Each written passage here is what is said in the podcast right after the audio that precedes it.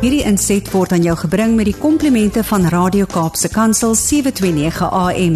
Besoek ons gerus by www.cape pulpit.co.za. Goeiedag almal. Ek is Erika de Tooy en ons gesels weer staan oor gestremdheid en die impak daarvan op individue, hul families en die samelewing. Deur my werk met gestremdheid besef ek al hoe meer hoe min die deursnee persoon van gehoor weet. So vandag gesels ons oor Wêreldgehoordag wat op 3 Maart gevier is. Die Wêreldgesondheidsorganisasie, die WHO, het hierdie bewusmakingsdag geskep om die belangrikheid van gehoorgesondheid te beklemtoon en voorspraak te maak op toeganklike oor- en gehoorsorg vir almal.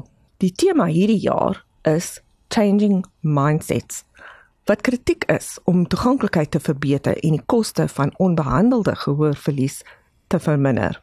Tans in Suid-Afrika het 6% van mense tussen die ouderdoms 35 en 44 gehoorverlies en dan 14% van mense tussen 45 en 64 jaar. Daar is 'n persepsie dat gehoorverlies net ouer mense raak, maar meer en meer word jonge mense ook daardeur geraak. Ouderdom is wel 'n oorsaak van gehoorverlies met 1 uit 3 mense oor die ouderdom van 65 en 2 uit 3 mense oor die ouderdom van 75. Maar daar is ook ander oorsake.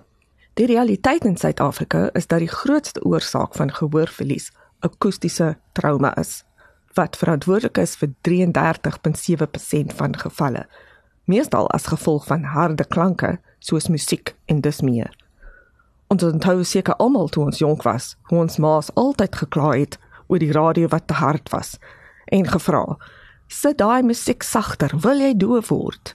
Ja, sy het geweet dat harde klanke na ernstige gehoorverlies kan lei. Miskien nie onmiddellik nie, maar wel wanneer ons ouer word. Daar is heelwat wêreldberoemde musikante wat nou in hul ouer jare ernstige gehoorverlies ervaar, juis omdat hulle nie hul gehoor beskerm het nie.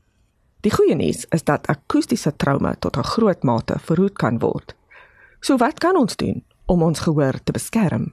Ek kan probeer om die tydstuur wat die u ore aan geraas of harde klanke blootstel te beperk. Skakel die volume sagter indien moontlik, maar indien nie, gee elke 15 minute vir die ore 'n breek. Gee u gehoor ten minste 18 ure om ten volle te herstel na blootstelling aan baie harde geraas, byvoorbeeld by musiekkonserte en so aan. Luister musiek eerder deur luidsprekers as deur die klein earbuds, die goed wat saam met selfone uitgereik word. Klank moet nooit harder as 50% gestel word nie en die tydstuur moet nie langer as 15 minute wees nie. Daarna kan skade aan die binneoor aangebring word. En dan laaste, kan ons ook herbruikbare musikant oorpleisies gebruik wat die volume verminder, maar nie die klank sis nie. In Engels noem hulle hulle noise cancelling headphones. Luister ook na 'n luisteraar se brief oor geraas in die gemeenskap. Ek vind dit moeilik om te verstaan hoekom winkelsentrums, restaurante en dis meer die behoefte voel om harde en irriterende musiek in openbare ruimtes te speel. My familie, vriende en ek sal nie sommer terugkeer na enige fasiliteit wat ons aan onnodige geraas blootstel nie. Ons verstaan die gevare wat langdurige geraasblootstelling kan veroorsaak. Ons het onlangs 'n kompleks in Kaapstad besoek. Die klank van die skare mense, asook die harde en irriterende musiek was oorverdowend. Selfs van die personeellede moes oor die toonbank buig en skree om behoorlik met ons te kon kommunikeer. Toe ek vra of die harde musiek asseblief bietjie afgeskakel kan word, is my versoek so muur van die hand gewys. Die toesighouer het blootgesee. Nee, dit is nie moontlik nie, want dit vorm 'n belangrike deel van die kliënte se feesgees. As 'n kokleaire implantgebruiker, vind ek hoë vlakke van geraas ontwrigtend en onaangenaam.